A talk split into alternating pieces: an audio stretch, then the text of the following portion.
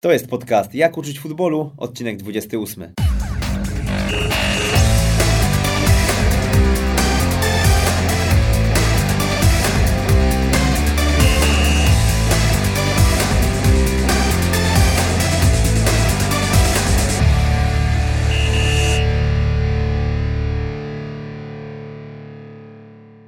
Przemysław Mamczak. I Paweł Szymański.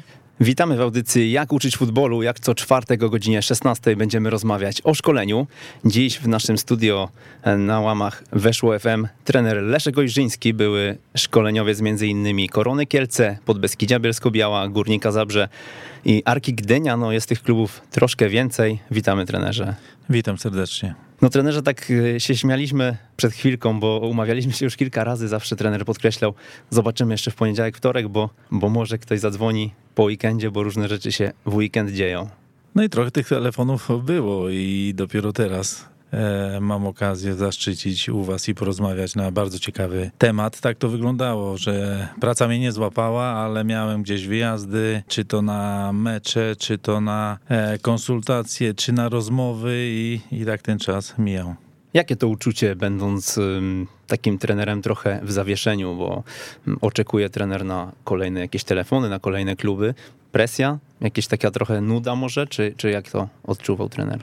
Teraz jestem w dobrej sytuacji, że mam za co żyć. Miałem taki okres e, w swojej pracy, że, że nie miałeś klubu i wiązałeś koniec z końcem, a nawet i pożyczałeś pieniądze, bo, bo w niższych ligach jak pracowałem, e, często bywało, że kluby nie płaciły na czas. E, był ten okres nawet i ośmiu i sześciu miesięcy, gdzie wynagrodzenia nie dostawałeś, a, a później nie miałeś tej pracy i to był problem teraz. Jako trener ekstraklasowy mam ten komfort, że, że spokojniej już to u mnie wygląda i, i ten spokój w oczekiwaniu też jest o wiele, wiele większy. Nie przebieram nogami, tylko, tylko spokojnie czekam i też się realizuję jako ojciec, jako mąż, no i też się dokształcam, bo, bo na tym to też polega. Kiedy nie masz pracy, to musisz naładować akumulatory, musisz też polepszyć swój warsztat i, i też się rozwijać. Wspomniał trener o tych początkach, trudnych początkach. Do nich wrócimy, bo nas tutaj słucha mm, duże grono trenerów. W zasadzie ta audycja jest skierowana właśnie do trenerów. Ja tylko przypomnę, że pod hashtagiem Weszło FM jesteśmy dostępni na Twitterze, więc jeśli macie do trenera Ojrzyńskiego jakieś pytania, zapraszamy do zadawania ich na Twitterze. Od godziny 17 będziemy też e, pod telefonem, będzie można to pytanie zadać bezpośrednio trenerowi. No to trenerze, tak naprawdę mało pracy z młodzieżą było na początku mm, pan, pańskiej kariery, a właśnie na poziomie seniorów e, zaczynał pan bardzo szybko, co prawda jako asystent, jakby tak opowiedział pan o początkach. O początkach, tak dawno to było, już trochę, trochę lat minęło i, i na pewno poszedłem na studia po to, żeby być trenerem. Ja jeszcze jestem z rocznika 7.2 i studia zaczynałem w 92 roku i to była jedyna ścieżka, żeby zostać trenerem w naszym kraju. Trenerem drugiej klasy po studiach się zostawało. Nie było innego rozwiązania. Będąc na drugim roku powstała szkoła tak zwana Kuleszówka, która kształciła trenerów e, z wykształceniem średnim. Wystarczyło przyjść i z jakimś tam bagażem doświadczeń jako piłkarz i to się diametralnie zmieniło, ale ja od początku wiedziałem, co chcę robić i, i pod tym względem się e, kształciłem na, na WF-ie tutaj w Warszawie i później byłem już od razu po, po studiach e, trenerem w grupach młodzieżowych w Legii Warszawa. Tam był grupa naborowa, rocznik 87. Po bodajże dwóch i pół roku poszedłem jako drugi trener do Legionowi i byłem asystentem Jurka Angela Juniora i razem tam zaczęliśmy pracować. Potem był Stargard Szczeciński, potem potem był też Radomiak, potem Polonia druga, potem Łomża. I tak to wyglądało, że na Łomży skończyli, skończyliśmy współpracę i, i później po Łomży dostałem propozycję jako pierwszy trener z Nicza Pruszków i tam za, za rozpocząłem w 2007 dokładnie samodzielną pracę. W międzyczasie jeszcze byłem tu trenerem Wielkiego Milanu ale Milanówek. I, i, I, też, też jestem wdzięczny tam działaczom i tym chłopakom, z którymi pracowałem, bo, bo to są też e, bardzo ciekawe doświadczenia. No i to był ten okres, gdzie, gdzie było naprawdę bardzo ciężko, gdzie, gdzie miałem e, córkę, potem przyszedł na świat syn, a, a te, że tak powiem, pensje na tym niższym poziomie, czy jako trenera, drugiego trenera, no nie były za wysokie i tu trzeba było jakoś dawać radę, rozwijać się w międzyczasie i też liczyłem na pomoc przyjaciół i też byłem im wdzięczny, bo, bo miałem taki moment, gdzie, gdzie przez pół roku pieniędzy nie, nie zosta, dostałem w jednym właśnie z wymienionych klubów i, i to był naprawdę duży problem, żeby, żeby zabezpieczyć byt rodzinie i, i przez to przebrnąłem i się cieszę, bo, bo teraz jako trener Ekstraklasy mam o wiele łatwiejsze życie, stres podobny, ale, ale wiadomo, że też to wszystko wygląda o wiele, wiele lepiej, bo mamy i stadiony, mamy i bazy treningowe i, i to się u nas rozwija. Z perspektywy czasu chyba ta asysta na poziomie trzeciej, drugiej ligi mm, wydaje się dobrą decyzją z pańskiej strony. Dla mnie to było bardzo dobre doświadczenie w międzyczasie, będąc trenerem już w Legionowi.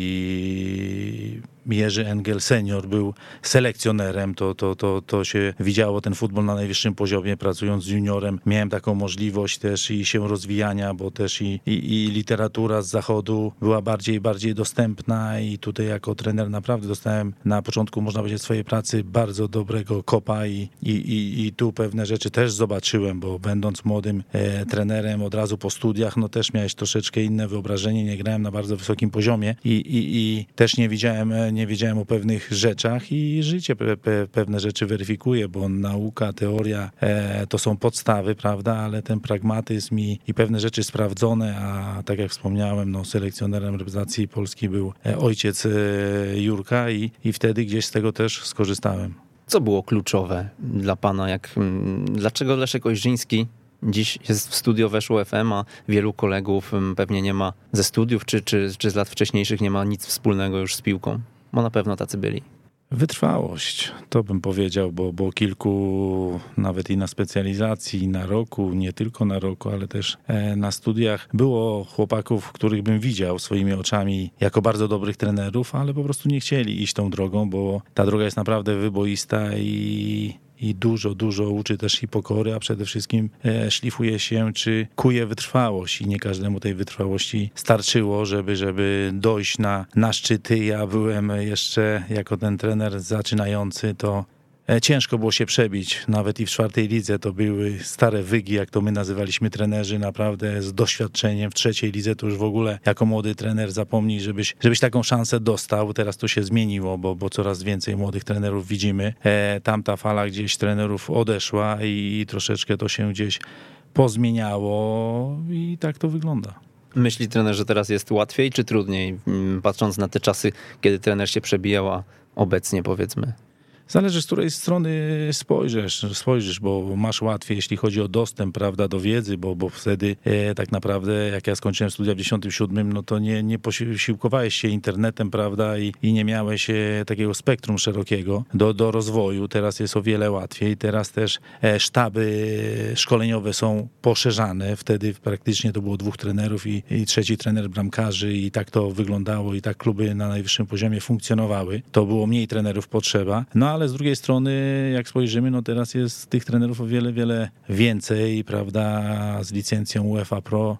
Nie wiem ile już w Polsce jest, ale już prawie do 300 pewnie. pewnie Nie, około 200, 200 chyba 6 w tej chwili. Aha, no to jeszcze do 300 trochę, trochę brakuje, ale, ale no, to jest spora grupa. Wiemy jak u nas e, po reformie liga wygląda. Tych na wyższym poziomie drużyn jest mniej. Wtedy był w trzeciej lidze cztery grupy, teraz mamy praktycznie no, jedną, drugą, drugą ligę i każdy myśli o, tym, o, myśli o tym najwyższym poziomie I, i, i, i zależy kto jak spojrzy na to wszystko. Na pewno to nie jest łatwy zawód. A to jeszcze dopytam, e, jak z Pana perspektywy wygląda właśnie ta dostępność kursu UEFA Pro? Bo my jakiś czas temu pisaliśmy duży artykuł na ten temat. Mm, na kurs UEFA Pro jest bardzo trudno się dostać, a jednocześnie, tak jak mówimy, tych 200 minus ci, którzy są już nieaktywni w tej grupie, mm, tworzy naprawdę wąską karuzelę, wokół której się wszystko kręci. Tak? W tej chwili no, trener jest jednym z tych, którzy są często na, na okładkach gazet, bo, bo, bo wiadomo, że gdzieś tam kluby co chwilę poszukują nowych zmian, nowych szkoleniowców. I jak trener, jak trener to widzi? Powinien powinniśmy właśnie otworzyć się, czy związek powinien się otworzyć bardziej może na dopływ e, świeżych kursantów, czy jednak nie, jednak e, powinni poczekać na swoją kolej? To, co chce związek, to jest jedno, ale pewne rzeczy są narzucone przez UEFA i z tego, co wiem, właśnie ilość kursantów i jak to ma wyglądać, to wszystko narzuca UEFA, bo to jest UEFA Pro, to nie jest PZPN Pro, chociaż też takie były licencje i, i tu na pewno tak musi to wyglądać. Zresztą e, w tych komisjach, czy technicznych, czy innych też mamy swoich przedstawicieli. E, nie wiem, jak to teraz dokładnie wygląda, ale zawsze tak to e, było umocowane, że ten, ta komunikacja była bardzo szybka i bardzo blisko, że tak powiem, te kursy nasze wyglądały blisko tych kursów europejskich. Nawet wiem, że niektóre zjazdy były i poza granicami naszego, naszego kraju. Są za to ludzie odpowiedzialni, którzy, którzy właśnie nad tym e, czuwają i, i tak to wygląda. A zawsze było ciężko za moich czasów. Też musiałem walczyć, przepychać się łokciami, żeby dostać się na UEFA Pro, bo to, to było zaistnienie na tym najwyższym poziomie i też, też była duża konkurencja i, i teraz, jest, teraz jest podobnie. A teraz oczekuje pan pracy tylko na poziomie ekstraklasy, czy też pojawiają się jakieś być może oferty z pierwszej ligi, których byłby pan skłonny podjąć? Na razie myślę, że w tym roku poczekam na, na rozwój sytuacji, co, co nam powie piłka ekstraklasowa, później, później zobaczymy, jak będę bez pracy. No to ja jestem człowiek, który, człowiekiem, który lubi adrenalinę, lubi działać, lubi pracować, codziennie żyć e, życiem drużyny, dlatego tego już mi gdzieś tam e, brakuje, ale jeszcze muszę uzbroić się w cierpliwość, tak jak mówiłem o wcześniej, o wytrwałości, też trzeba być i cierpliwym w tym, w tym fachu i, i, i teraz jestem na takim etapie, że, że spokojnie czekam, a co życie przyniesie, to zobaczymy. No, każda propozycja może być ciekawa, jeśli jest właśnie e, długofalowa, jeśli ma podstawy do realizacji celów, bo, bo tak to wygląda w swojej pracy. Przede wszystkim ja lubię wyznaczać sobie cele, cele zawodnikom i, i zawsze działacze gdzieś te cele wyznaczają, a moja w tym głowa, żeby te cele realizować i za to biorę pieniądze, prawda? I, i jak będą ciekawe jakieś propozycje, to zawsze trzeba się nad nimi pochylić, rozważyć i, i kto wie. Zresztą widzimy teraz, wczoraj czy przedwczoraj były selekcjoner związał się z Górnikiem e, Łęczna, drużyna, która gra na poziomie drugiej ligi. Tak, ja tutaj ożywię może troszkę naszych słuchaczy. Pod hashtagiem Weszło FM jesteśmy dostępni. Trenerowi Leszkowi Ojrzyńskiemu można zadawać pytania, zachęcamy do tego. Trenerzy potraktujemy trenera jako wzór, bo tutaj wielu młodych, pewnie ambitnych trenerów nas słucha. Mm, I tak przypomnimy pańską historię. Opowiadaliśmy już o tym, jak trener zaczynał. Obecnie z perspektywy czasu myśli trener, że ktoś, kto chce pracować w zespole seniorów, powinien właśnie zaczynać od e, zespołów, e, właśnie jakiś asyst na poziomie tam trzeciej, czwartej ligi, e, czy, czy może niższych lig, czy niekoniecznie, czy powinien właśnie iść, nie wiem, w juniorów, w trampkarzy, w jakieś, jakieś piłki dziecięco-młodzieżowe. To zależy, każda historia jest inna i każdy, każdy ma inny bagaż doświadczeń, czy też przemyśleń i nie ma takiej jednolitej drogi, ale, ale jakbym miał się w to zabawić i komuś podpowiedzieć, no to myślę, że przede wszystkim e, analizować mecze, przede wszystkim jeździć na staże, dowiadywać się, dużo rozmawiać, bo naprawdę czasami z takiej dyskusji można się dowiedzieć o wiele, wiele więcej i coś ciekawego złapać dla, dla siebie, jak, jak z kursów, prawda, czy, czy z czytania książek. I, I tak to właśnie wygląda. Przede wszystkim staże i rozmowy i, i sobie wyznaczyć ścieżkę, tak jak wspomniałem wcześniej o celach. No musisz mieć cel i, i z wiarą do tego dążyć, bo jak tego nie masz, to potem gdzieś te dni mijają, tygodnie, lata i w końcu przestaniesz być trenerem. Tu tak samo trzeba ambitnie podejść i, i uczciwie podejść i przede wszystkim pracować rzetelnie, a ja wyznaję zasadę, że rzetelna praca zawsze się obroni wcześniej czy później. E, ci mają szczęście, którzy, którzy wcześniej zostaną wyłowieni, gdzieś zauważeni, a gorzej mają ci, co no, pracują, pracują i tych efektów gdzieś tam naocznie nie widać i trzeba po prostu być wtedy cierpliwym. Cele zmieniają się z czasem. Jaki jest aktualnie cel trenera Ojrzyńskiego? Moim celem jest praca w ekstraklasie, najlepiej w takim klubie, w którym mógłbym się rozwinąć jako trenera przede wszystkim, walczyć o te zaszczytne cele, o przede wszystkim pierwszą trójkę, czy o mistrzostwo, później na arenie międzynarodowej reprezentować e, nasz kraj w rozgrywkach europejskich. Zasmakowałem tego w Warce Gdynia, co prawda tylko dwa mecze, ale, ale to była fantastyczna przygoda. I, I, wiem, że można dużo, dużo zrobić solidną pracą, dobrą też atmosferą, a przede wszystkim no, dobrymi też warunkami do pracy, bo żeby pewne rzeczy wykonywać czy nakreślać sobie, też musisz mieć do tego bazę, a z tym gdzieś bywały problemy i całe szczęście, że i system licencyjny się zmienia, bo każda drużyna w Ekstraklasie musi mieć od chyba jeszcze rok, tak? Jest przejściowy, a od następnego sezonu boisko treningowe podgrzewane, bo, bo, bo my kończymy w grudniu, prawda, zaczynamy już w lutym, a, a tak naprawdę nie mamy gdzie trenować. Może 3-4 drużyny w Ekstraklasie miały odpowiednie warunki, a też niektóre, które miały podgrzewaną, to wiem, że też miały problemy, bo nie zawsze instalacja pracowała na pełnych obrotach. No to jak można mówić o dobrym przygotowaniu, prawda, jak nie mamy takiej możliwości. Super, że to się poprawi i coraz więcej klubów będzie szło podobnym tropem, żeby zaistnieć na tym najwyższym poziomie, a, a też wiemy, że i te pieniądze może będą wyższe w ekstraklasie i naprawdę jest duże pole do, do popisu i, i zobaczymy, jak to będzie wyglądało. A propos walki o najwyższe cele, pojawiło się pytanie, czy wysłał trener CV do Lecha Poznań? Nie, ja do polskich klubów, można powiedzieć, CV nie wysyłam, bo przecież pracują tam ludzie, którzy znają sytuację w naszym kraju i znają też trenerów. Myślę, że też mnie znają w Lechu i wiedzą, że na jakim teraz etapie jestem, to myślę, że to CV jest niepotrzebne i, i nigdy tego nie robiłem, e, jeśli chodzi o nasz rynek, że tak powiem, bo, bo zagraniczne kluby, jak dostałem sygnał, żeby właśnie takie CV wysłać, bo mogę być tam, prawda, anonimową postacią, no to takie rzeczy gdzieś tam się robiło. Marzy trener o jakiejś konkretnej lidze zagranicznej? Nie, tak jak powiedziałem, spokojnie chciałbym tu dla Polski, yy, dla polskiego klubu gdzieś popracować solidnie i na tyle solidnie, żeby się pokazać w rozgrywkach właśnie w, Europie, w europejskich. I zobaczymy, czekamy cały czas. Yy, tak jak mówię, rozwijamy się, mam swoje przemyślenia.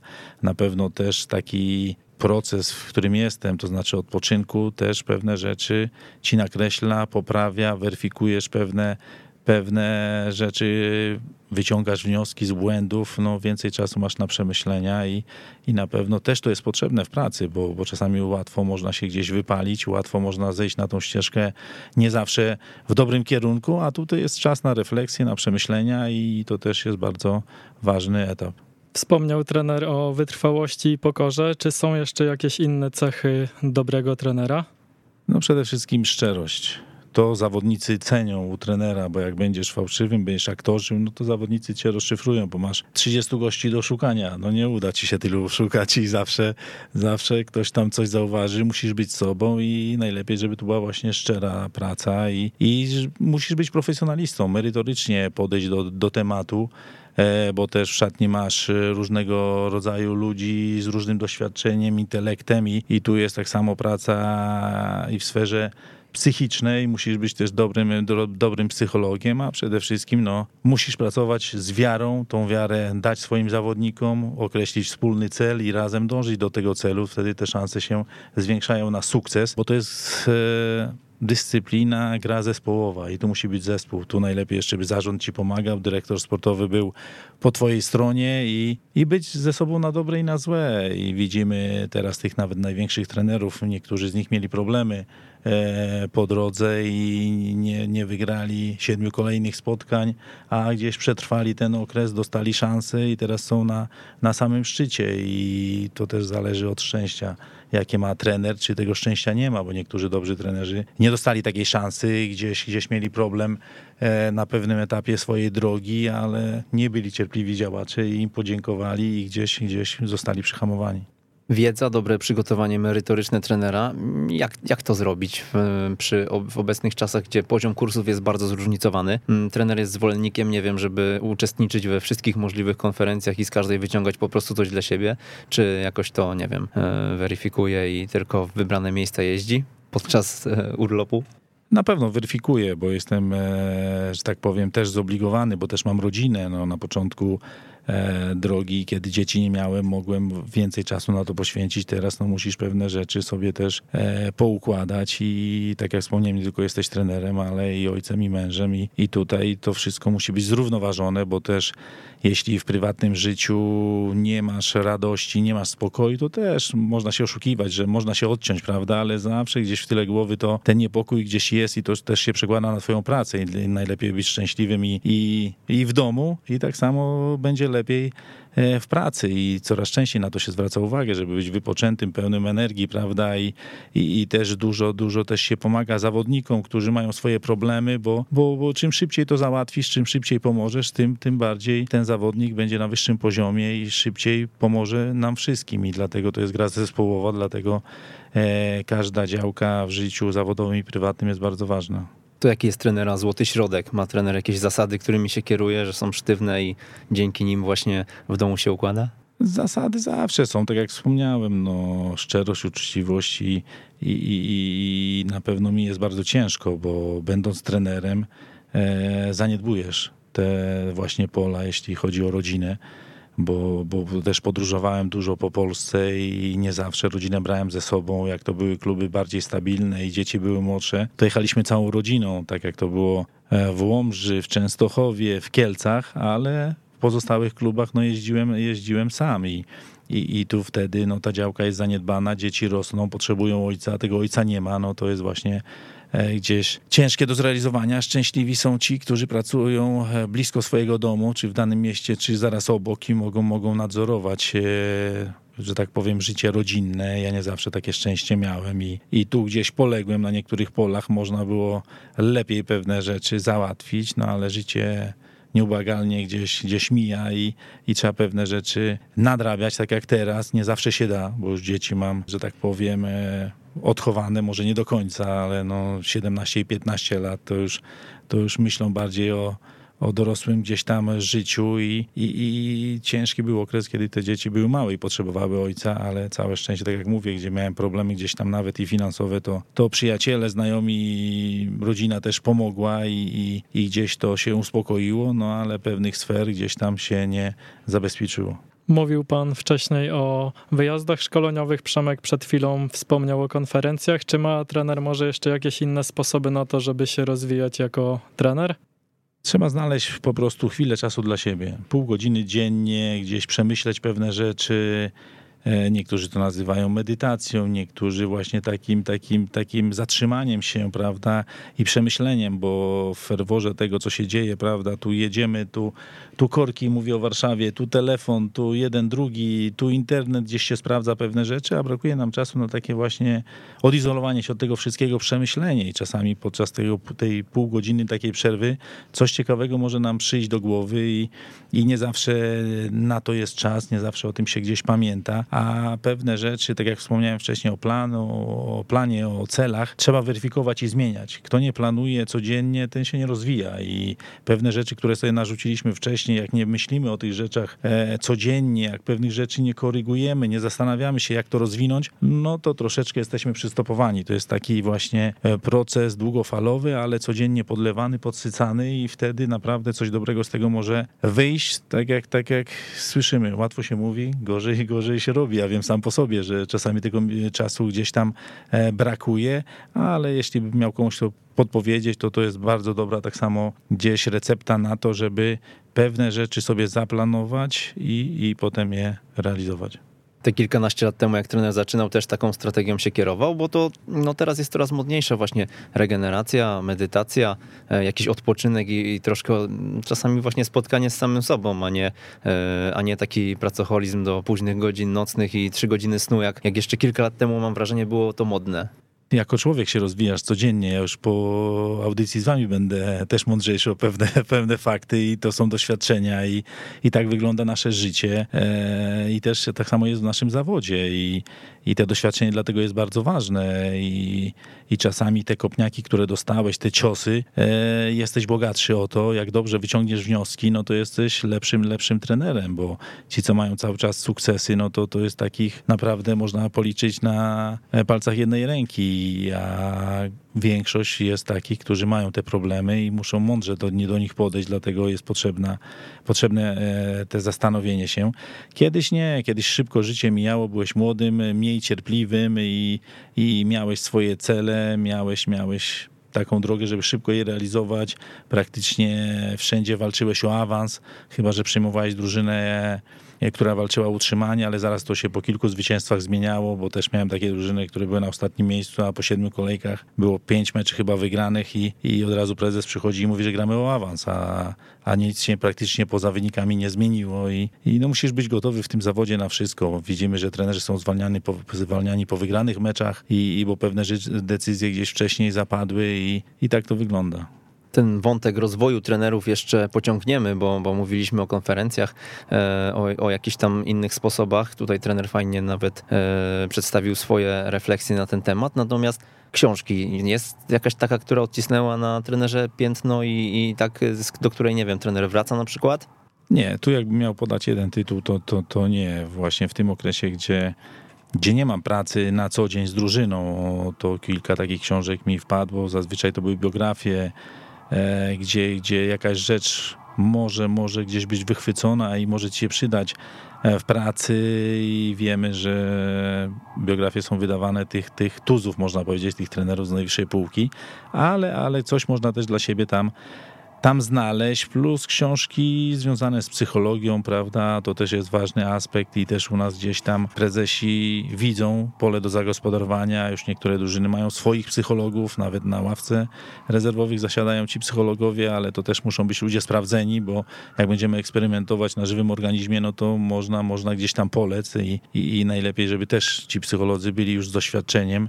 Mówię o najwyższym poziomie, bo wiadomo, że te doświadczenie gdzieś się na niższym poziomie zdobywa, czy czy, czy pracując gdzieś e, na początku swojej drogi z młodymi piłkarzami. No każda, tak jak wspomniałem, droga jest inna, nie ma złotego środka, ale jakbyśmy wzięli gdzieś wszystkich do jednego worka, no to tak procentowo, to, to, to myślę, że najwięcej e, trenerów daje sobie radę w Polsce przynajmniej, którzy, którzy gdzieś tam zdobywali te doświadczenie w niższych ligach, pracowali, borykali się e, z problemami, swoje musieli odcierpieć i, i przez te cierpienia są mocniejsi. O tych 30 minutach przemyśleń e, bardzo mi się to spodobało, szczerze mówiąc, i zapytałbym jeszcze o jedną podobną kwestię środowisko. Mm, trener na studiach miał bardzo mocną trenerską paczkę, że tak to ujmę, e, czy właśnie rozmowy, dyskusje z ludźmi, e, którzy mają podobną pasję, podobne cele, mm, też rozwijały. Jakby tak trener może kilka nazwisk tutaj naszym słuchaczom przytoczył z tych czasów studenckich, które dziś są również znane e, przeciętnym kibicom. A, no i też jak się trener do tego odnosi? Czy faktycznie tak jeden drugiego ciągnął w górę, czy to nie były takie czasy?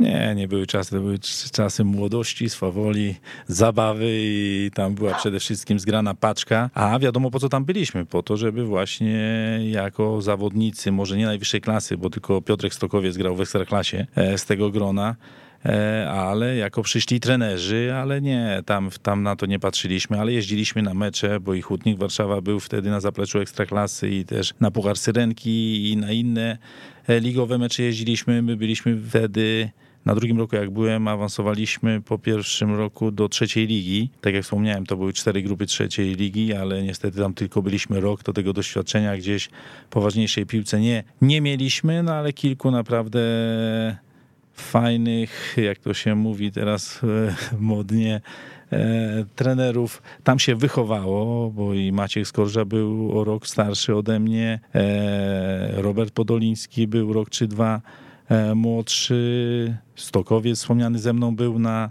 na roku, był też i Marek Śledź wcześniej, jeszcze, jeszcze starszym roczniku, który, który bardzo dobrze gdzieś koordynuje pracę, pracę młodzieży. Było też dużo, dużo innych, y, może nie takich że tak powiem teraz, trenerów, którzy, którzy pracują dalej, tylko no wtedy, wtedy gdzieś na pewnym etapie odpuścili. Darek Banasik też był rok ode mnie młodszy, y, no kilku Wójcik Jarosław, który był dyrektorem w Legii Warszawa teraz w Piaście Gliwice pracuje, no jakbyśmy te dwa, trzy roczniki gdzieś e, wzięli pod uwagę, no to myślę, że tam około dziesięciu trenerów, e, którzy, którzy dalej pracują i, i, i coś, coś, że tak powiem, robią ciekawego, byśmy znaleźli. Ale już wtedy wiedzieliście, że kluczem jest odpoczynek. Wtedy tak, chociaż też ciężko było ten odpoczynek, bo, bo, bo tam się działo i tam naprawdę były fajne czasy. Było, minęło. Dobrze, że żyjemy dalej, zdrowie dopisuje i tak to wygląda. A czy trener posiada swój model gry? Jak to wygląda? Czy obejmując zespół, trener dopasowuje różnego rodzaju zasady do zawodników i ich jakości, czy zawsze ma jakieś takie sztywne zasady, które chce wprowadzić do danego zespołu? Pracując w ekstraklasie jesteś, przynajmniej ja tak miałem do tej pory i większość trenerów ma, no jesteś zadaniowcem, masz zadanie do wykonania, cel i wszystko musisz zrobić, żeby ten cel zrealizować i obierasz drogę, jedną czy drugą, bo, bo nie zawsze ta jedna może wypalić, chociaż no już jesteś na tyle doświadczonym trenerem i nie jedno widziałeś na oczy i też znasz zawodników, bo mówimy to o drużynach ekstraklasowych, że powinieneś wiedzieć, że, że ta droga przyniesie sukces, bądź nie. Pewne rzeczy też korygujesz, bo, bo, bo, bo wchodząc do do klubu też inne spostrzeżenia mogą być siedząc z boku i patrząc z boku, bo do tej pory to mówimy o tych mojej ostatniej fazie pracy, to były cztery kluby ekstraklasowe i tylko w jednym e, drużynę przejmowałem od początku do końca bo w trzech byłem jako strażak, można powiedzieć. W trakcie sezonu wchodziłem i, i dużego wpływu nie miałem na przygotowania, na ułożenie pewnych rzeczy, tylko trzeba było gdzieś podejmować szybkie decyzje, doraźne, a zazwyczaj, no jak zatrudniają trenera, no to ta drużyna nie była w rewelacyjnej formie, tylko była w dołku i i tak to wyglądało i trzeba było szybko się dostosowywać i tak ta praca wyglądała. E, marzyłbym sobie, żeby, żeby usiąść z zarządem, z prezesem i, i określić plan działania, żeby była porządna akademia, prawda, bo dopływ świeżej krwi jest bardzo potrzebny. Zresztą widzimy, e, że ta młodzież atakuje niesamowicie, nie tylko w Polsce, ale i, i w europejskiej piłce. 18-latkowie stanowią o sile drużyn, czy w Niemczech, czy, czy w Anglii, może nie, ale tam niedługo eksplodują ci, ci, ci najbardziej utalentowani. I tak to wygląda i no fajnie by było taki projekt zbudować. Raz byłem blisko w Koronie Kielce, gdzie, gdzie tak sobie usiedliśmy, powiedzieliśmy, ale niestety to trwało ponad rok, bo po trzeciej kolejce tego drugiego sezonu, w sumie mojego trzeciego w Koronie już mnie nie było. No, tam właśnie e, ściągnęliśmy Kwietnia z trzeciej ligi, Sylwestrzaka z drugiej ligi, najmłodszy w lidze w całej ekstraklasie angielskiej, nie miał 17 lat, Cebula miał 17 lat z kilkoma dniami i ta drużyna gdzieś funkcjonowała, była w przebudowie, ale później później gdzieś zabrakło cierpliwości i, i niestety potoczyło się inaczej no niestety u nas jest tak, że, że szybko musisz gdzieś tam określić się i, i przede wszystkim grać na wynik, bo wiesz, żeby zachować pozycję i pracę, no musi, musi być wynik i, i dlatego nie zawsze e, styl twój czy twoja filozofia jest zgodna z tym, co, co robisz, bo, bo, bo wybierasz tą lepszą drogę i pewniejszą drogę, bo też no niektórzy mogą ryzykować, podjąć, podjąć rękawice i, i w trakcie sezonu przejmując drużynę na pewne rzeczy gdzieś tam e, kłaść nacisk, ale no, jak ci się nie powiedzie, no to już będziesz szukał długo gdzieś pracy albo, albo będziesz miał właśnie e, większe problemy. A jakie są takie dwa, trzy pierwsze kroki, które pan zawsze robi po objęciu klubu? Rozmowy z zawodnikami przede wszystkim e, i nie w całej grupie, tylko indywidualnie z każdym trzeba, trzeba porozmawiać, dopytać się, jak on to wszystko widzi, jakie ma problemy i i wtedy stawiasz diagnozę, jak to wszystko poukładać. Tak jak mówię, no to nie jest drużyna anonimowa, bo praktycznie każdego znasz, wiesz jak grają. Też wiesz teoretycznie, gdzie jest problem tej drużyny. W praktyce może okazać się e, troszeczkę inaczej. No i praca, rzetelna praca. Od razu nakładasz sobie reżim pracy i zakładasz, że trenujesz dwa razy dziennie, ale wiem z praktyki, że trzeba było odwoływać te zajęcia, bo, bo po prostu lepiej odpocząć, tak jak mówiliśmy tu wcześniej o odpoczynku, jak męczyć oczy tym, co widzisz. I, i tak czasami bywało i tak jak mówię, no wszystko korygujesz, wszystko ustawiasz i, i nakreślasz, czy nastawiasz się na wynik od najbliższej kolejki, czy poczekać jeszcze i, i liczysz na cierpliwość działaczy i to później gdzieś powinno załapać, dlatego jako strażnik wchodząc jest to ciężkie, ciężka praca, ciężkie zadanie i czasami trzeba mieć dużo szczęścia, żeby się, żeby się powiodło. Mówimy o syndromie nowej miotły i często takie wejście gościa nowego, gdzieś uśmiechniętego, bo zawsze jak czekasz na robotę, dostajesz tą robotę, to dziwne, żebyś płakał. Tylko jesteś uśmiechnięty, zarazisz e, zawodników e, swoim nastawieniem i często tak bywa, że te drużyny gdzieś wychodzą odmienione, no ale mija tydzień, dwa, trzy i tak jak mówię, musisz być szczery i pracowity, bo jakbyś aktorzył dalej ze sztucznym uśmiechem, no to też to gdzieś będzie rozpoznane Ta Korona Kielce jest wspominana przez trenera z sentymentem, nic dziwnego, bo to taka mam wrażenie wizytówka trochę trenera. Mm, taka banda e, świrów, jak o was mówili, czy grupa boiskowych takich zadziorów, to, to, to ludzie, których chce pan widzieć w swoim zespole?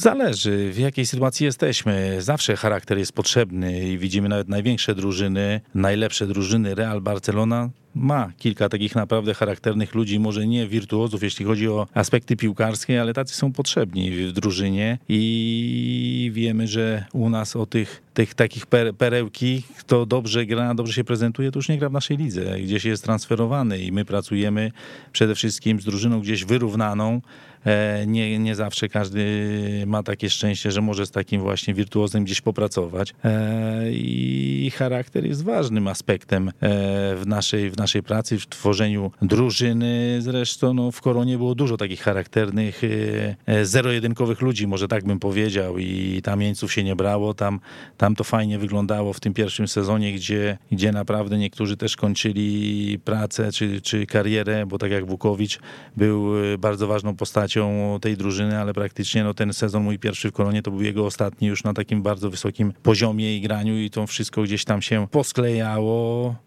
No i są przeżycia, no nie tylko w Koronie, bo i w Podbeskidziu też mieliśmy taką wiosnę, że byliśmy trzecią siłą w Ekstraklasie i, i, i zrobiliśmy historyczny wynik, bo dziesiąte miejsce w Ekstraklasie. Ostatnio w Arce tak samo kilku takich ludzi charakternych było. No przede wszystkim musisz stworzyć drużynę i tak jak mówię, drużynę trzeba tworzyć do realizacji celów i, i wtedy trener, który niejedno widział, niejedno przeżył, prawda, i dotknął tego, łatwiej ma pewne rzeczy rozszyfrować i i tak to wygląda w naszym zawodzie.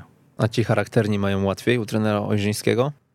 Może łatwiej, ale też są pewne granice. Przede wszystkim pracowitość i szczerość. O, o tych cechach te, mówimy tu od początku i, i to jest najważniejsze, bo jak ktoś będzie chciał się gdzieś mizgać, prawda, czy, czy le, lenia strugać na, na zajęciach, no to nie tędy droga. Masz problemy, przyjdź, powiesz, to wtedy dostaniesz troszeczkę inne zadania na treningu, czy luźnie będziesz potraktowany, ale najważniejsze jest to, żeby, e, żeby pracować ciężko, bo dzięki ciężkiej pracy możesz cokolwiek osiągnąć. A tak jak mówiłem, no ja mam e, zawsze cele bardzo wysokie, wygrać każdy najbliższy mecz. Zresztą jest takie fajne powiedzenie, celuj księżyc, to wylądujesz między gwiazdami i trzeba wysoko mierzyć i to nie jest ważne, że grasz z Legią, z Lechem, każdego można ograć i, i trzeba tak na to e, patrzeć, ale ciężko trzeba pracować, bo nie, do tej pory nie miałem drużyny takiej, która rozdawała karty w lidze, prawda, albo była przez fachowców e, brana pod uwagę jako faworyt, tylko wszystkie te drużyny były jako faworyt, ale do spadku w prognozach ustawiane w takim, w takim właśnie szeregu i,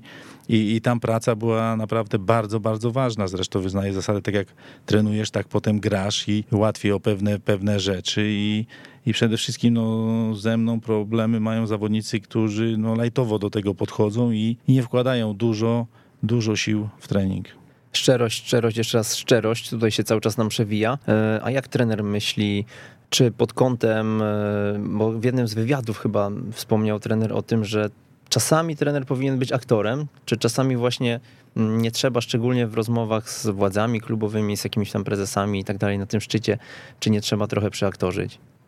No przede wszystkim wiesz, że jesteś trenerem, nie jesteś zarządzającym w klubie, masz inne spostrzeżenia, dlatego no, zachowaj to dla siebie, możesz coś podpowiedzieć, ale też może zrazić do tego ludzi. Wiemy jaka jest psychika ludzka, że czasami chcesz w dobrej wierze komuś podpowiedzieć, a ktoś cię weźmie za buca, czy za przemądrzałego gościa, który wie najlepiej, dlatego e, przez te doświadczenia wiem, że trzeba czasami po prostu odpuścić i, i zająć się swoją działką przede wszystkim. Oczywiście te inne działki poboczne, detale, mogą też mieć wpływ na, na wynik, prawda, na formę drużyny, na aspekt sportowy, no to w umiejętny sposób musisz to, musisz to wypracować, dlatego to aktorstwo jest potrzebne gdzieś, czy, czy, czy, czy właśnie takie zagranie, żeby, żeby cel osiągnięty zrealizować, no to, to, to musisz gdzieś to wpłynąć, nie zero-jedynkowo, tak jak wcześniej też powiedziałem, mówisz od razu tak, tylko gdzieś tam okrężną drogą spróbować to załatwić, bo, bo, bo wiesz, że wcześniej czy później możesz się przez to właśnie niedociągnięcie wykoleić, a są też rzeczy, które wiesz, że mogłyby inaczej wyglądać, ale zakładasz, że nie będą miały wpływu na, na, na bezpośrednio na, na sytuację w drużynie, no to wtedy odpuszczasz, bo, bo, bo tak to wygląda, też możesz być w błędzie, dlatego też nie, nie musisz zbawiać światu. No, nieraz było tak, że chciałem i akademię poprawić i pewien system wprowadzić i sobie robiłeś tylko wrogów, bo, bo tam są trenerzy, tam są rodzice, którzy przyzwyczajeni są do pewnych, że tak powiem, e, wariantów pewnej, pewnej pracy i coś nowego im nie jest potrzebne w ogóle i chcesz uszczęśliwiać ludzi za wszelką cenę, wiesz, przynajmniej tak myśli, że to jest dobre i sprawdzone, bo, bo też tak jak mówię, gdzieś tam byłem i w akademiach zachodnich y, patrzyłem jak to, jak to wygląda, wiem czego brakuje młodym piłkarzom w ekstraklasie, jak trzeba właśnie ich szkolić, ale, ale no przede wszystkim jesteś trenerem tej pierwszej drużyny i nie każdemu to jest na rękę, żeby tam gdzieś mieszać w tym kotle, bo, bo to się obróci przeciwko tobie. I takie doświadczenia też zebrałem i też trochę inaczej teraz podchodzę do tego i, i, i jak ktoś mnie poprosi o jakieś pewne wskazówki czy, czy, czy rozmowę na tym etapie, to jestem jak najbardziej za, bo taka moja, że tak powiem, praca, ja zresztą traktuję jako misję, żeby, żeby pomagać innym ludziom i, i żeby przede wszystkim e, rozwijać ich i kleić, można tak powiedzieć, e, na, e, na taki sposób, żeby ci zawodnicy przede wszystkim osiągali i mieli radość z gry w piłkę nożną i, i coś sobą reprezentowali. A żałuje trener jakiejś tam sytuacji, gdzie może zbyt bezkompromisowy był trener? Nie wiem, może trzeba było być czasami bardziej elastycznym? Oj, dużo takich miałem sytuacji w swojej no pracy właśnie. i nie chciałbym tu mówić, ale, ale było. Ale zmienił, było. z perspektywy czasu zmieniłby coś trener, czy jednak szczerość wobec siebie i zaufanie do własnej osoby, hmm, jednak te wartości, które, które są w panu, zawsze powinny być powyżej? Nie, wartości są wartościami, tego nie oszukasz. No, musisz sobie w lustro spojrzeć, ale, ale niektórych rzeczy wcale bym nie dotykał, prawda? I, i nie chciał gdzieś tam e, podpowiadać i, i, i rozwijać, bo, bo, bo, bo gdzieś się rozdrabniasz, no nie masz władzy władzy w klubie, jakby ktoś ci dał e, gwarancję, prawda, że będziesz pracował dwa lata, układaj to, po dwóch latach będzie rozliczenie, no to wtedy to ma sens, a jak, a jak chcesz dodatkowo jeszcze komuś pomóc, to, to niestety to się gdzieś się obróci przeciwko tobie. I takie sytuacje miałem e, w klubach, w których pracowałem, dlatego teraz troszeczkę inaczej do tego podchodzę, bo, bo, bo tak to wygląda. No dobrze, trenerze, tutaj bardzo dużo nam się przewija psychologii, e, jakichś tam tematów związanych e, z mentalem. E, jak trener do tego podchodzi, bo mam wrażenie, że taką łatkę trochę przypięto trenerowi, że jednak to jest klucz w pańskiej pracy.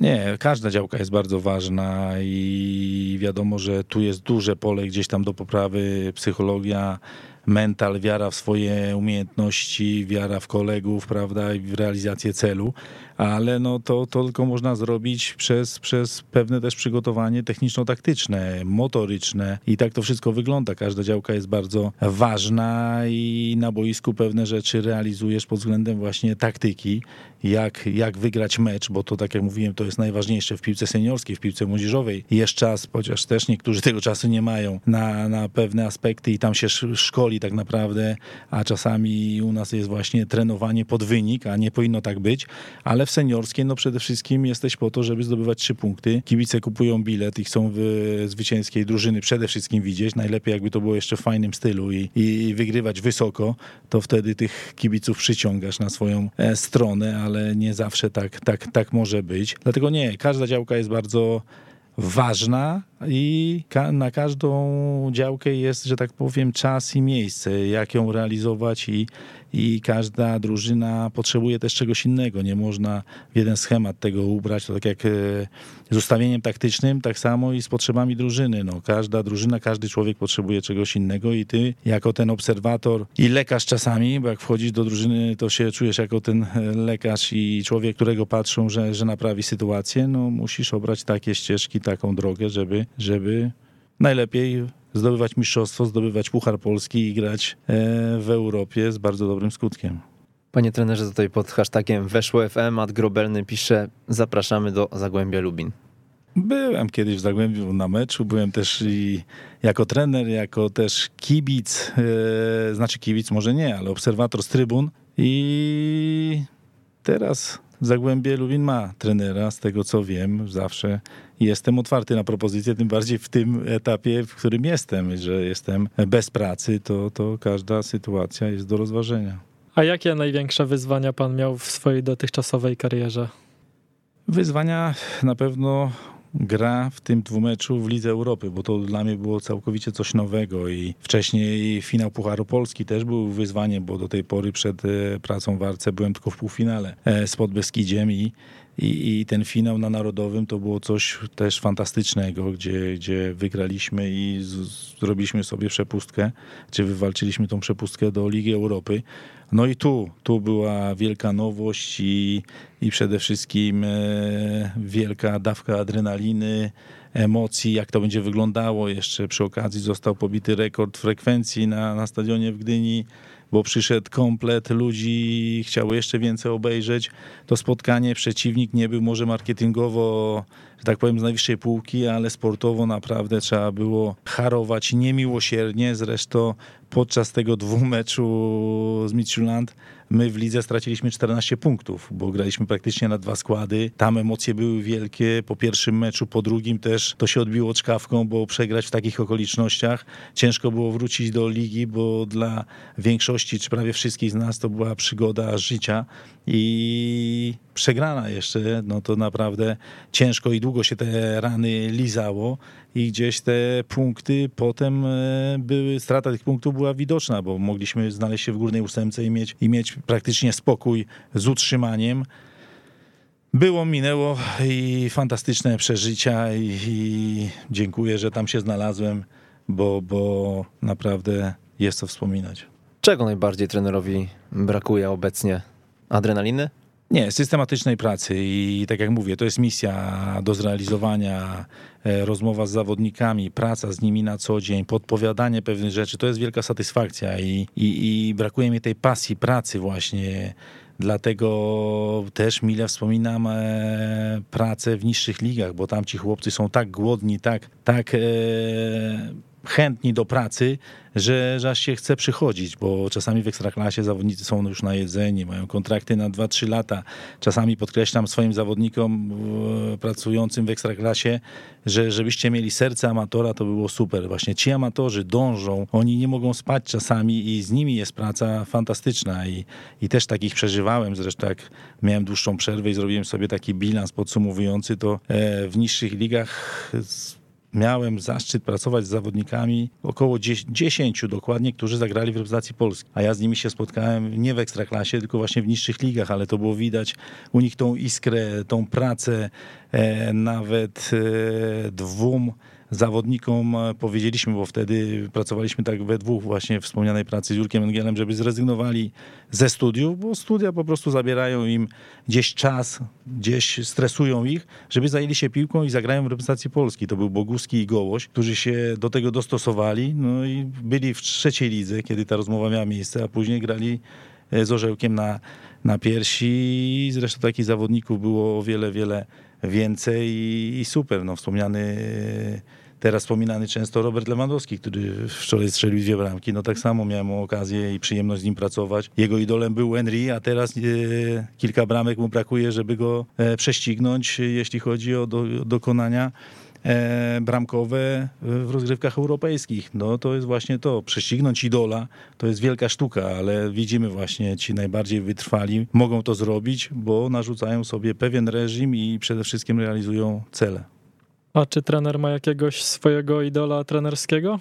Nie, spokojnie, tak jak, tak jak z książką, podpatruję każdego i przede wszystkim no ja jestem, ja jestem sobą, pewne rzeczy mogą ewoluować i muszę się rozwijać, bo tak, tak podchodzę do tego, że, że nie można się zamykać, zawsze coś mądrego możesz e, złapać dla, dla siebie. Ostatnio miałem przyjemność z rozmowy dwa razy z Klopem, bo, bo byłem tam e, przez tydzień i dwa razy byłem na zajęciach pierwszej drużyny i, i, i, też pewne rzeczy podpatrzyłem. E, byłem też i w Juventusie, ale tylko na meczu i na meczu właśnie hicie Serie A, Juventus Napoli i też na Primaverze Juventus Milan.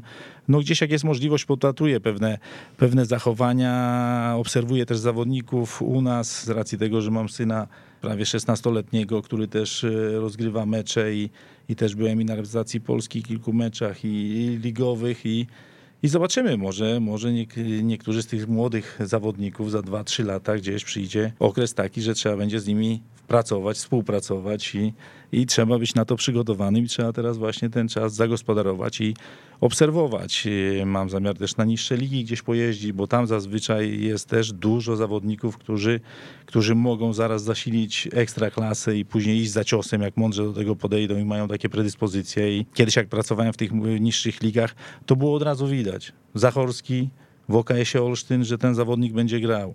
E, Jodłowiec, Kowalczyk, Stal Głowno, Boguski w Łomży, to, to będąc trenerem na tym poziomie od razu widzisz, którzy zawodnicy mają szansę na to, żeby grać y, na najwyższym poziomie i, i, i, to było gdzieś tam widoczne. Teraz z racji tego, że pracujesz na tym najwyższym poziomie, gdzieś te niższe ligi są zaniedbane, a coraz, coraz więcej zawodników właśnie z pierwszej ligi czy z drugiej ligi, no takie szanse też dostaje, bo poziom też scoutingu w Polsce się rozwija. E, dużo, dużo też klubów stawia na, na, na rozwój właśnie swoich akademii i też w młodszym wieku z całej Polski sięgają po bardzo wyróżniających się zawodników i, i to będzie gdzieś widoczne za, za 2-3 lata, gdzie ten wysyp zawodników w naszej rodzimej ekstraklasie powinien być i właśnie powinno powiać gdzieś młodością.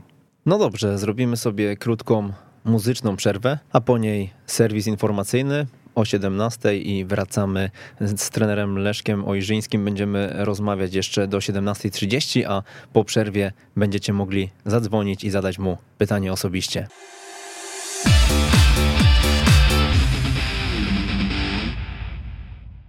I wracamy do audycji Jak uczyć futbolu. Przemysław Mamczak i Paweł Szymański. Jest dzisiaj z nami trener Leszek Ojrzyński. E, możecie dzwonić, możecie dzwonić i zadawać trenerowi pytania numer 22 219 50 31. Czekamy na wasze pytania. Mam nadzieję, że będą związane e, z tematyką szkolenia, z tematyką naszej audycji. Trenerze, to ja tak jeszcze w oczekiwaniu na tych naszych słuchaczy zapytam, co jest problemem polskiej piłki, jak trener uważa? Szkolenie. Tutaj jest dużo do poprawy i z infrastrukturą już się to poprawia. Niektóre kluby mają nawet e, lepsze warunki, niektóre mają w planach się rozwijać, tak jak tu najbliższej Legia Warszawa, która będzie budowała swój ośrodek treningowy. To jest jedna sprawa. Druga sprawa, ludzie. Tu powinno być więcej trenerów z doświadczeniem, którzy mają nauczyć tych młodych adeptów, a nie trenerzy, którzy się uczą. Ci trenerzy, którzy się uczą, powinni mieć czy mentora, czy trenera koordynatora, czy, czy trenera, który sam zjadł, można powiedzieć, zęby e, na, na piłce nożnej, wie jakie są problemy, wie też jak wygląda ekstraklasa, bo, bo przede wszystkim ci chłopcy celem e, jest, żeby e, kilku z nich zagrało w ekstraklasie, później w reprezentacji, bo tak to powinno wyglądać. Mówimy o tych najwyższych akademiach, bo wiadomo, że w tych mniejszych ośrodkach no, czasami się trenuje, żeby miło spędzić czas i jest takie, takie właśnie taki cel do, do zrealizowania. I tych trenerów jest mało. Jak widzimy, dwóch trenerów na grupę dwudziestu paru chłopców to jest o wiele za mało. No, Zachód nam odjeżdża każdego dnia, bo tam jest jeden trener na pięciu, na czterech zawodników. Są treningi tak samo w formacjach, treningi indywidualne i to z zawodnikami czy trenerami e, z najwyższego topu. I niestety u nas tego się nie praktykuje i, i niektórzy zawodnicy, ci młodzi, wiem, że doszkalają się gdzieś, jak to się mówi w cudzysłowie, na mieście, z innymi trenerami, gdzie szukają rozwiązań, ale to też nie jest spójne, prawda, bo, bo czasami można sobie przez taki trening szczególnie motoryczny zrobić krzywdę, bo mocno popracujesz poza klubem, potem wrócisz do klubu, nie wiesz jak, co trener zaplanował, jak ci przyłoży jeszcze mocniej, no to, to niektóre organizmy, a wiemy, że te organizmy są coraz gdzieś tam słabsze i podatliwe na kontuzje przez to, że większość zawodników trenuje na sztucznych, twardych nawierzchniach, bo na zachodzie też e, pracuje się na sztucznych, ale jakość tych sztucznych jest nieporównywalna do naszych, chociaż się cieszę, że, że w ostatnim czasie powstają jakieś nowe właśnie płyty, tak jak w Gdyni, e, najnowszej generacji, gdzie zawodnicy młodzi i pierwsza drużyna będą mogli pracować w tym okresie zimowym przede wszystkim e, na pełnych obrotach. I, i tak to u nas wygląda i przede wszystkim te, te dwie rzeczy. Jakość właśnie trenowania się wiąże z tym, kto trenuje, ilu trenerów trenuje, bo tu mówimy o intensywności, bo tu nam świat ucieka, tam się podejmuje decyzje w imieniu oka, tam jest większy asortyment, trenerzy do tego e, stworzone, ale to wszystko jest w bazie treningowej. U nas bazy nie ma, no to o czym my, o czym my mówimy? Wiem, że największe kluby nawet u nas w Polskie trenują gdzieś na połówce boiska, no też można zrobić, prawda, trening, ale już techniczno-taktyczny nie do końca, prawda? I, i tak to wygląda, plus analiza tych zajęć. E, Na zachodzie każde zajęcia treningowe są monitorowane nie tylko z jednej kamery, ale z dwóch, czterech kamer i wtedy ten młody zawodnik też dostaje materiał, analizuje, uświadamia się go poprzez pracę czy z psychologiem, czy, czy pewne działki się wyławia. Są trenerzy tylko do gry głową, trenerzy tylko do koordynacji, trenerzy tylko do szybkości. No to o czym my mówimy? U nas, u nas e, może będzie lepiej pod tym względem i wtedy wyłowimy lepszych zawodników i, i przede wszystkim będziemy lepiej pracować. Zresztą ostatni syndrom jest taki, że zawodnicy w wieku 16-17 lat wyjeżdżają właśnie od nas z kraju, bo nie ma takiej pracy jak na zachodzie. No, tam się e, trenuje indywidualnie dużo i w formacjach. U nas potrzeba na to czasu, potrzeba boiska, potrzeba też trenera, który temu się poświęci, a wiemy jak to u nas wygląda. Często trenerzy narzekają, że mało zarabiają, to nie jest je- ich jedyna praca i muszą się poświęcić też innej robocie, potem wrócić do domu i, i swoje też, też zrobić i, i tu każdego dnia życie ucieka, nam też ci, ci zawodnicy nie są tak przygotowani i tak szkoleni, jak powinno wyglądać. I, i niestety, a my musimy pracować jeszcze lepiej, bo gdzie my mamy się porównywać do Hiszpanii, Portugalii, gdzie słońce tam praktycznie cały czas świeci, jest temperatura wysoka, my na, praktycznie na 4 miesiące znikamy z dobrze przygotowanych boisk, jeśli chodzi o proces treningowy, to policzmy sobie przez okres szkolenia 10-letni, 40 miesięcy my jesteśmy albo na hali, albo w jakichś utrudnionych warunkach, na Orliku, prawda, malutkim, no możemy pewne aspekty tam, czy, czy pewne działki rozwijać, ale no ile można to, to robić i no tego, tego nam brakuje i, i tu gdzieś jest duże pole do, do popisu. Chociaż tak jeżdżąc po Polsce z cyklem Liga od Kuźni, widzimy, że dużo się zmienia w akademiach, ale tutaj trener zwrócił uwagę na mm, trenerów, e, tych doświadczonych, tych mentorów, których nam brakuje. Ich, mm, jak trener myśli, nie ma w Polsce, czy może nie są, mm, nie wiem, wyłapani przez, e, przez odpowiednie osoby, które takich trenerów potrzebują, a może nie do końca o tym wiedzą? Są na pewno tacy ludzie, ale to też taki trener, żeby, żeby współpracę nawiązać, no to musi być też odpowiednio wynagrodzony, prawda? Albo, albo, albo zarażony tym, co robisz, bo, bo też są ludzie z wielką pasją, którzy, nie stawiają tylko pieniądze, pieniędzy na pierwszym miejscu, ale mogą gdzieś pomóc, ale trzeba właśnie do nich się zwrócić i, i przedstawić im pewien program. No teraz, tak jak wspominałem o Liverpoolu, to też widziałem zajęcia Dalglisha, który, który tylko pracował z napastnikami, pewne detale im wpajał, jak to wszystko trzeba robić. No i właśnie tacy ludzie u nas powinni gdzieś tam e, pracować, żeby, żeby przyspieszyć ten proces e, szkolenia i przede wszystkim podnieść go na o wiele wyższy poziom, jak to jest e, w tej chwili. A nie każdemu się chce. No widzimy zawodników teraz, którzy grali w reprezentacji. Mamy tak jak wy macie i swoje radio, mamy i kilka telewizji, oni się udzielają przed kamerami, nie zawsze chcą zejść na murawę, podpowiedzieć, a jeszcze to trzeba systematycznie pracować, bo to nie jest sztuką raz na miesiąc czy raz w tygodniu zrobić, ale to musi być proces e, długotrwały i systematyczny, żeby, żeby ten aspekt poprawić. 22 219 50 31. Tutaj nie będziemy się gdzieś w nieskończoność, więc dzwońcie i trenerowi Ojrzyńskiemu zadawajcie pytania, jeśli takie macie. Czym trener zdobywa sobie sympatię wchodząc do drużyny? Z dziewczynami pracuje? Nie. Nie wiem, czy sympatia to może za, za duże i ogólnikowe słowo. Trzeba spytać zawodników, ci, którzy Były gdzieś dobrze, dobrze wspominają pracę, bo tak jak mówię, no były takie szatnie, że, że gdzieś e, zobaczyłem, że jest klika, to trzeba było i były takie kluby, gdzie 18 w okienku transferowym trzeba było pomachać i pożegnać, bo, bo to gdzieś za daleko zaszło i, i trzeba było czyścić, jak to się mówi kolokwialnie. E, No tak jak powiedziałem, praca, rzetelność, uczciwość to jest naj, najważniejsza rzecz i kto chce e, w tym kierunku się rozwijać, a mi się wydaje, że to jest baza, podstawa do tego, żeby coś więcej zrobić, no to łatwiej się nam współpracuje. Ci, co gdzieś chcą e, ugrać dla siebie, bo to tak jak wspomniałem, jest zespo, sport zespołowy i cele drużyny są na pierwszym miejscu, twój cel gdzieś przy okazji będzie zrealizowany, ale są też zawodnicy tacy, którzy wystawiają się przed drużynę i chcą, żeby ten wózek ciągnąć, e, a najlepiej być ciągniętym, prawda? No to wtedy, wtedy gdzieś to jest ta współpraca na gorszym poziomie. I to jest pytanie do zawodników, e, z którymi pracowałem. Niektórzy pewnie nie lubią mnie, niektórzy lubią, tak to wygląda. Zresztą wyznaję zasady, jakby cię wszyscy lubili, to coś z tobą jest nie, nie tak po prostu, bo w życiu nie masz tak, że że wszyscy robią cacy, wszystko jest ok, tylko jest dużo rzeczy do poprawy i czasami no musisz, musisz to zasygnalizować, a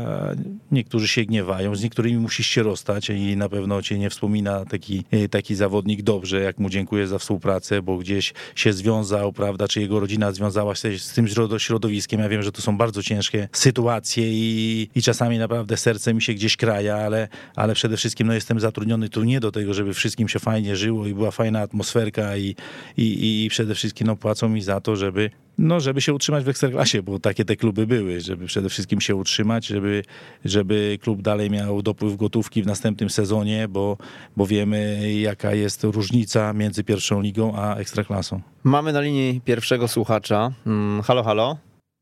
Halo? Halo, halo, mamy tam po drugiej stronie kogoś? Tak, dzień dobry. Dzień dobry, witamy. Mam takie krótkie pytanko. Jak co się spotkałem przez moje życie? Często tak bywa, że przychodzi jakiś młody, zdolny zawodnik do drużyny i starszyzna boi się, że taki zawodnik może wykurzyć e, starszego zawodnika. No i mu troszeczkę nie podają w czasie meczu piłki, utrudniają życie i tak dalej. Jak pan takie sprawy załatwia? Są takie sytuacje i wiadomo, tak jak wspomniałem przed chwilą, że są zawodnicy, którzy myślą o sobie, są zawodnicy, dla których rywalizacja jest ciężka do przetrawienia i, i właśnie w taki sposób gdzieś najlepiej młodego tak potraktować i, i gdzieś go sprowadzić na na boczny tor, albo właśnie nie podawać mu, albo no, no różne są takie sposoby. No, każda sytuacja jest inna i tu trzeba przede wszystkim być dobrym obserwatorem i dobrym słuchaczem, bo pewne rzeczy gdzieś ci mogą e, rzucić się e, w oczy. I przede wszystkim, jak to jest chłopak naprawdę utalentowany, no to trzeba mu pomóc, bo taka jest twoja rola i przetłumaczyć temu zawodnikowi starszemu, jak to ma wyglądać i czego oczekujesz od niego, młodego podbudować, żeby się nie, nie zrażał. To wszystko przede wszystkim gdzieś tam połączyć w jeden, w jeden cel i uświadomić, bo świadomość jest bardzo ważnym kluczem do tego. No niektórzy mówią, że świadomość to jest właśnie kluczowa wartość, żeby osiągnąć sukces i, i przede wszystkim rozmowa i potem jak jedna ze stron, a mówimy tu o starszym zawodniku, do pewnych rzeczy się nie dostosowuje, no to trzeba trzeba bardziej drastyczne kroki podjąć, yy, ale do tej pory takich problemów gdzieś nie było, ale tak jak wspomniałem, no były, były widoczne, ale szybko gdzieś to się załatwiło, jeśli chodzi o, o rozmowę z takim zawodnikiem. Bywały. No dziękuję bardzo. Jeszcze jedno pytanko króciutkie.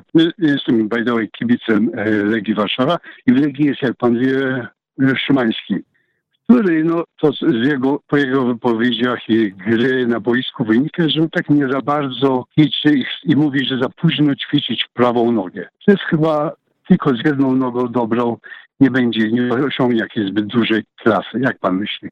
Oj, to jest bardzo młody zawodnik i jak jest świadomy, a myślę, że jest, to, to też może zostawać po zajęciach i ćwiczyć właśnie na grę słabszą nogą. Zresztą widzimy po niektórych jego zachowaniach, że nie tylko wszystko robi na lewą, ale też i próbuje e, z tej prawej strony skorzystać nogi i strony, bo też robi z wody i, i odchodzi na, na swoją prawą nogę, a najlepszym przykładem jest jego kolega z drużyny Pazdan, który przed Mistrzostwami Europy, nie świata, tymi ostatnimi tylko Europy wcześniej, miał kontuzjowaną prawą nogę i wychodził ćwiczyć lewą i w tym wieku, o wiele, wiele starszy od niego, przez miesiąc czasu tak poprawił tą lewą nogę, że jak sobie przypomnimy akcję z Mistrzostw Europy, jak on wprowadza piłkę przez strefę pomocy przeciwnika, czy przez linię ataku, no to to był wzór i ciężka praca, systematyczna praca popłaca. Zresztą ostatnio tu mówiłem chłopakom, byłem w Liverpoolu i na tych dwóch zajęciach z pierwszą drużyną dwa razy Salah został i 20 minut sam z piłką ćwiczył swoją lewą nogę i,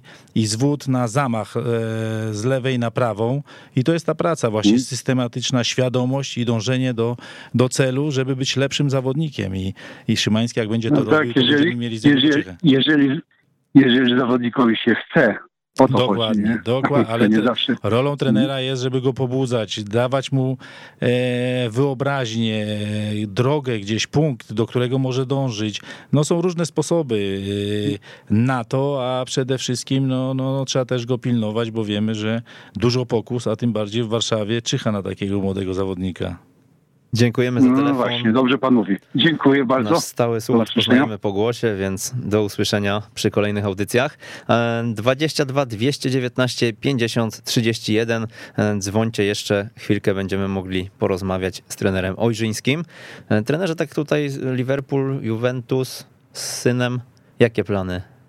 Zobaczymy. Trenuje z Legią Warszawa, nie ma jeszcze 16 lat, w lutym kończy 16 lat i wtedy będzie można coś więcej na ten temat powiedzieć i rozmawialiśmy z Legią. Legia ma przedstawić, jak to, jak to widzi, jeśli chodzi o jego osobę i tu ja spokojnie do tego podchodzę. Przede wszystkim jest ważny spokój i praca. Ważne, że chce pracować. To jest dla mnie na obecną chwilę najważniejsze i do tego tak podchodzimy, a co będzie, najważniejsze jest zdrowie i, i, i pasja do tego, co się robi, a tą pasję widzę w jego oczach, że ma i, i z tego się bardzo cieszę. Mamy kolejnego słuchacza. Halo, halo. Paweł z Bydgoszczy dzwoni. Cześć Paweł.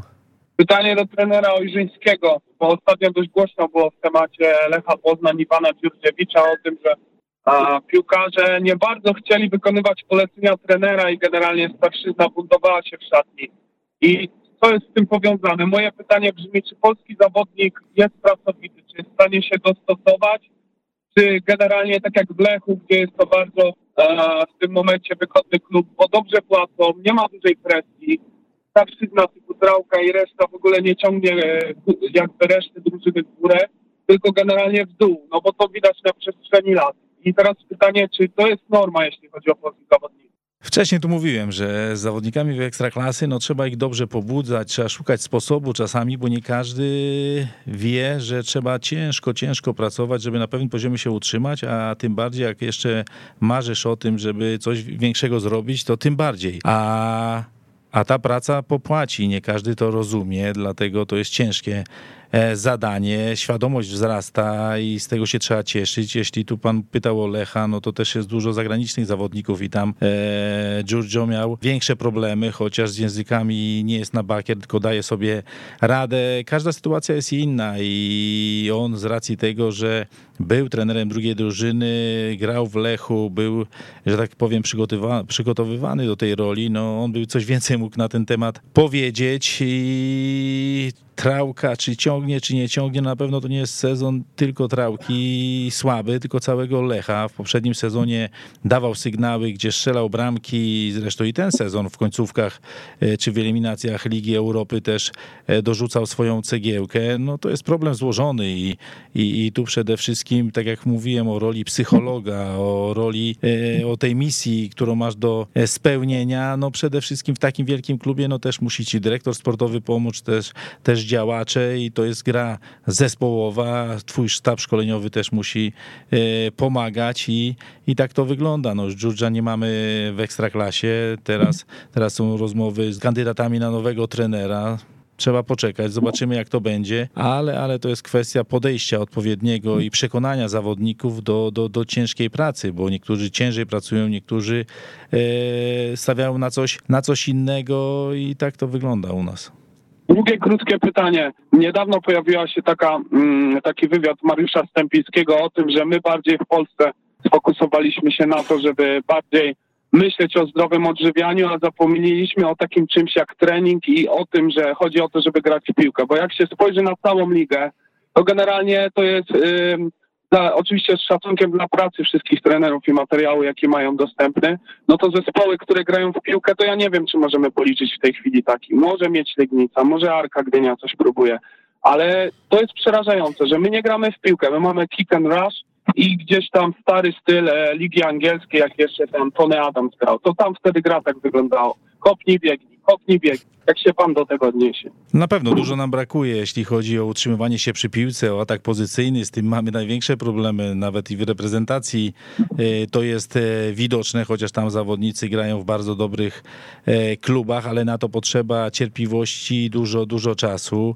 Wiemy też, że niektóre drużyny, jak załapią pewien styl, to już tracą jedno ogniwo czy, czy dwóch zawodników i wtedy od początku trzeba to gdzieś budować, a z tym jest problem, bo, bo, bo nie zawsze każdego od razu można zastąpić, ale, ale tak, jak, tak jak tu mówiliśmy, no, trzeba ciężko pracować, nie tylko pracą motoryczną, ale też właśnie dużo spędzać czasu na, na boisku. Zresztą Stępiński gra w Serie A i tam gdzieś obiło mi się o uszy ten wywiad z nim, gdzie mówił, że dużo czasu spędzają na, nad taktyką, bo to jest specyfika, że tak powiem, tej ligi, gdzie, gdzie warianty autów mają po 3, 4, na zależy z którego miejsca e, są, są rzucane i każdy detal jest po prostu rozrysowany, każdy detal jest prze, przećwiczony, a na to potrzeba czasu. U nas zawodnicy są mniej cierpliwi i u nas jakbyś robił takie rzeczy przez dwie godziny na boisku, to by była wycieczka może i do prezesa i by, i by niektórzy to potraktowali jako stratę czasu, a to jest, to jest praca i ciężka praca i, i dużo czasu na to trzeba poświęcić, żeby potem były efekty widoczne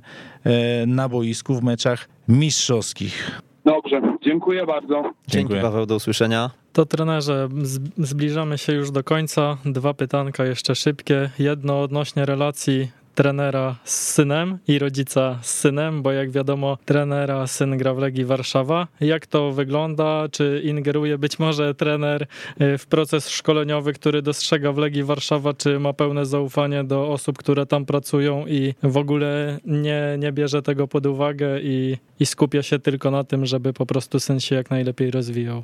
Z synem najgorzej się pracuje, bo te relacje łatwo można zburzyć, bo jestem trenerem wymagającym, tym bardziej tak samo dla syna. I tu trzeba właśnie czasami przeaktorzyć, umiejętnie pewne rzeczy wywierać na, na niego. Tak się składa, że e, trenuję raz dziennie, jeśli chodzi o zajęcia w klubie. Są dni, gdzie nie ma treningu i ten czas wykorzystujemy trenując trenując razem nad pewnymi aspektami. Wiem, że to jest chłopak dorastający, nie wszystko możemy zrobić od razu i potrzeba cierpliwości i, i, i za rok przyjdzie czas na inną pracę o innym charakterze, no ale jest nad czym pracować. Teraz często też rozmawiamy na temat e, sytuacji innych bramkarzy, analizujemy grę, żeby też był świadomy tego, e, co robią inni dobrze, co robią źle. Z racji tego, że teraz e, nie mam pracy, praktycznie każdy jego występ, wczoraj też miałem okazję jechać do Łodzi i zobaczyć, jak, jak wygląda jego gra i, i, i to gdzieś właśnie analizujemy.